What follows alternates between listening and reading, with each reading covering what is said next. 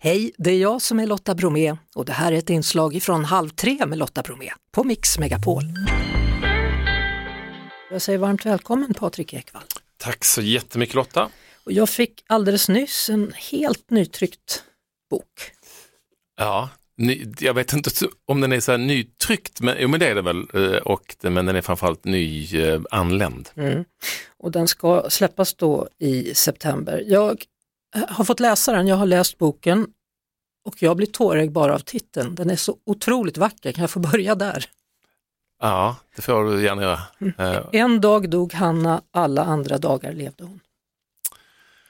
Ja, det är ju en eh, titel som vi kände, jag och eh, bokförlaget, att eh, den vill vi ha någonstans när man sitter och värper och så och ska försöka hitta någonting till en bok som du vet inte är som en vanlig bok. Så det, man kan inte leta efter något klatschigt direkt utan det, det, det, får bli kanske, och det är kanske lite långt och så men jag tycker att det blir jättefint. Jag tycker det blev jättefint också. Mm.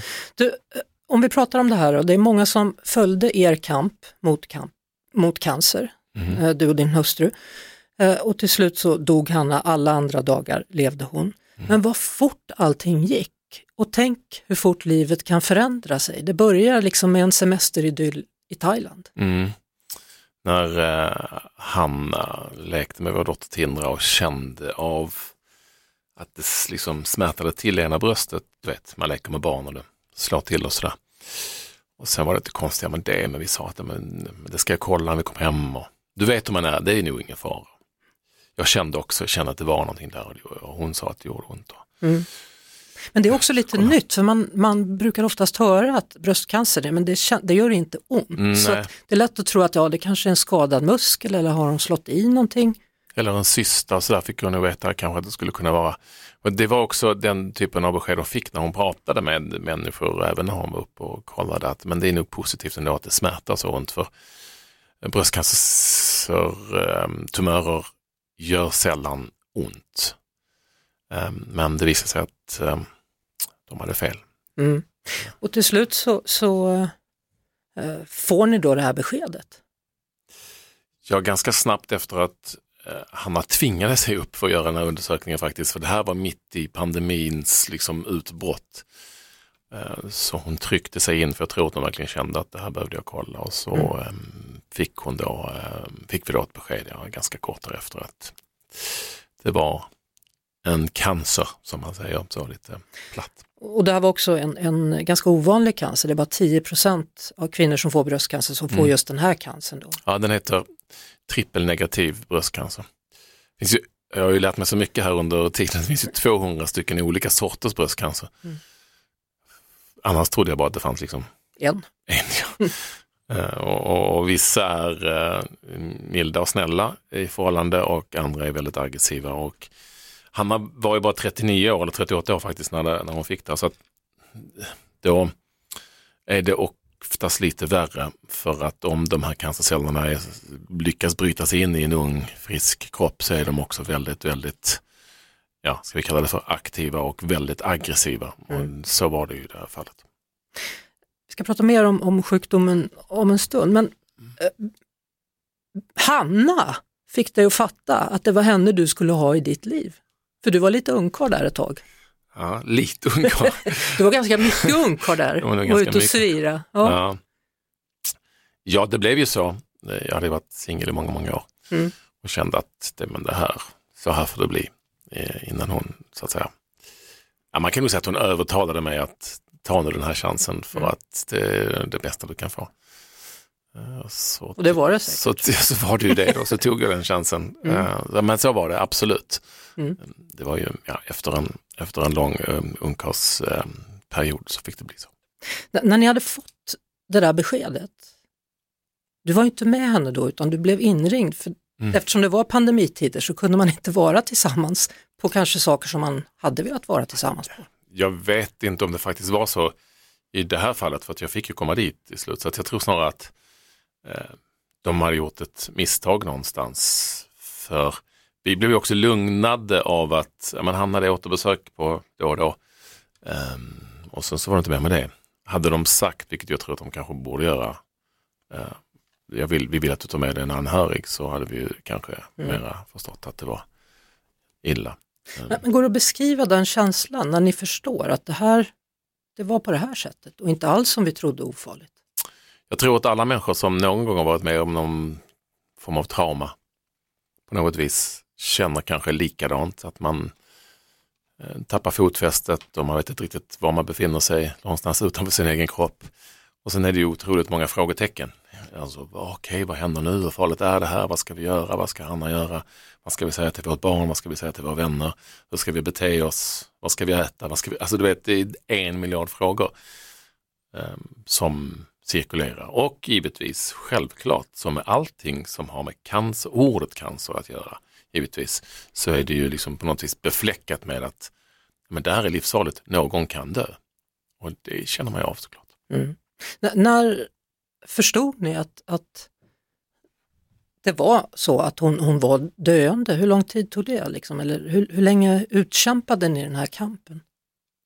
Under hela tiden egentligen fram tills, skulle säga fyra, tre, fyra dagar innan hon gick bort, så tänkte, och ja, framförallt tänkte, kanske inte trodde, vi att men det här kommer vi göra. Det kommer han att lösa. Hon tänkte så absolut, men det här fan, bara in med en ny medicin så kommer vi att lösa det. Mm. Eller jag att lösa det här var det väl i det sammanhanget. Sen, sen är det klart att när vi fick veta att någon månad innan att cancern hade spridit sig och den gick inte längre att bota, bara så att säga förlänga livet, eh, förhindra i någon form, så eh, förstod man väl att ja, men, cancern kommer att ta hennes liv, men om det är om en månad eller om det är om ett år eller tio år eller femton, det, det, visst, vi tänkte inte så mycket på det. Vi tänkte bara att det här kommer ska vi se till att fixa så länge som möjligt. Ni, ni valde ju då att, att vara väldigt öppna mm. om det här, eh, väldigt transparenta mm. och fick en boost lite av det, eller lite i alla fall ja. stöd och kände att det fanns andra som var i samma situation eller som i alla fall ville ge kärlek. Ja, men en boost är ett väldigt bra ord. För att vi valde ju det för att vi egentligen bara ville vara liksom öppna gentemot våra vänner och bekanta och sådär. Jag kände ju många, många visste vem jag var via sociala medier. Och man vill inte ha det här tisslet och tasslet. Har hört att hon är sjuk och hon kanske dör eller jag vet så. Vi vill inte ha det så vi, vi bestämde oss för att vara transparenta och då fattar vi ju inte någonting. Att var, när vi efter två dagar så bara exploderade liksom i alla tänkbara eh, boxar, mailboxar och allt vad det nu var. Eh, med eh, någon sorts kärlek och boost och tacksamhet från så många människor mm. som tyckte att det var bra att vi pratade om det. Så det, det, gav oss, det, det, gav oss hjälp och det gav oss en boost och där och då började jag inse och, och Hanna också för den delen, för det var många kvinnor som hade avsett henne som hade haft samma problem eller hade samma problem. Mm. Att men det här hjälper ju människor. Det är ingen som pratar, det är väldigt få som pratar om det här så öppet. Mm. Och det har jag fortsatt med nu sen Hanna eh, lämnade oss. Eh, och jag har fått eh, minst sagt, det har varit minst sagt samma effekt. Vad, vad kallar, du det? kallar du henne för fru fortfarande? Eller hur, hur, hur tänker du? Nej men jag kallar nog henne Hanna bara. Fortfarande. Ja. Alltså, men jag pratar, jag pratar väldigt mycket om Hanna fortfarande såklart. Och då är det ju mer som att man pratar som att hon finns. Jag tror att hon ville det också. Väldigt mycket i mitt liv och mitt och min, mina döttrars liv handlar ju liksom om att vi ska um, leva för att vi lever och för göra det på ett vis som vi hela tiden tror att han hade tyckt var coolt och kul. Och... Det, det finns ju då en, en, det är ju jobbigt mm. att ni hade ett barn, ett litet barn, mm. mitt i det här. Mm. Och det är ganska markant i boken också, din sorg, din rädsla för hur ska det gå, hur ska jag förklara för henne som bara är 6-7 år. Mm. Tindra. Ja. Var det så svårt som du trodde? Eller var det så att hon hade förstått mer än vad, vad du egentligen förstod? Ja, både ja och nej egentligen. Det var så svårt som jag trodde, fast kanske till och med lite värre, att försöka förklara för ens barn att eh, hennes mamma eh, inte kommer att finnas längre. Det är ju någonting som jag inte vill att någon enda människa i hela världen någonsin tvingas göra. För det är eh, bara ren och skär terror. Liksom. och fruktansvärt. Sen så var det så att Tindra hade ju såklart, hon var ju då sju år vid det tillfället. Ja, just det. Nej, men, han, nej, men hon hade såklart förstått, som barn gör, mycket mer än man tror. Vi fick ju veta att man inte skulle berätta om några eventuella konsekvenser. Med, alltså, man ska berätta för barnet att mamma har cancer och kommer få medicin och kommer att tappa håret och sådär. Men inte om eventuella konsekvenser för att det kan liksom barnet ta in. Det var det mm. vi fick berätta och det vi hade utgått ifrån. Bara för att ta ett exempel då, eh, någon dag då innan Hanna gick bort så sa att hon var på sjukhuset, hon skulle få ny medicin och sådär. Och då säger Tindra till mig eh, i köket att har mamma dött? Och då hade vi aldrig nämnt det ordet. Mm. Vi hade aldrig pratat om döden för henne, vi hade inte sagt att det kunde vara en konsekvens. Men hon hade fattat det själv. Så, och det, det, var ett uppvaknande som var väldigt, väldigt smärtsamt. Jag fick jättedåligt samvete och så, men eh, jag fick veta att det skulle jag inte ha. Men, men så mycket annat eh, när det gäller barn i deras relation till föräldrar mm. så fattar de mycket mer än vi tror. Har ni lärt er leva med, med sorgen nu? Eller hur? Jag vill inte använda sorg, ordet sorg faktiskt, för att jag eh, har eh, under den här perioden förmått mig att avsky just det ordet. För att det blir just ordet sorg, när man ser det framför sig så är det som att man sitter i svarta kläder med flor över ansiktet och tittar in i en vägg. Och jag tar istället fasta på det du sa, leva. Vi lever jag vet inte om vi lever i sorg, för jag vet inte hur man gör när man lever i sorg.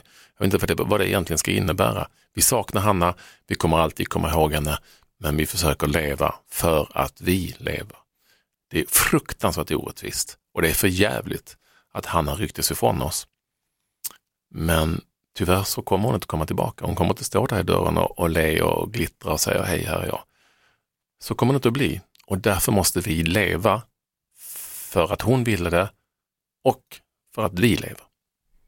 För alltid älskad, för evigt saknad. Så är det. Du ska åka rullskidor på lördag. Det låter konstigt men det hör ihop. Ja, jag är ju eh, ambassadör för Bröstcancerförbundet.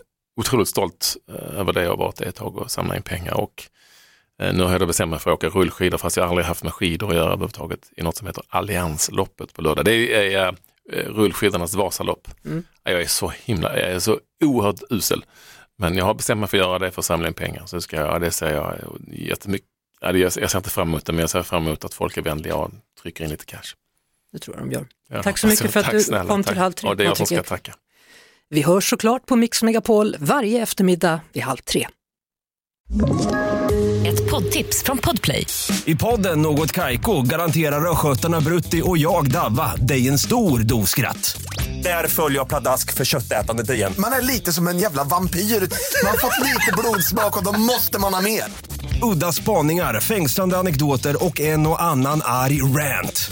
Jag måste ha mitt kaffe på morgonen för annars är jag ingen trevlig människa. Då är du ingen trevlig människa, punkt. Något kajko, hör du på podplay. Därför är gardinerna.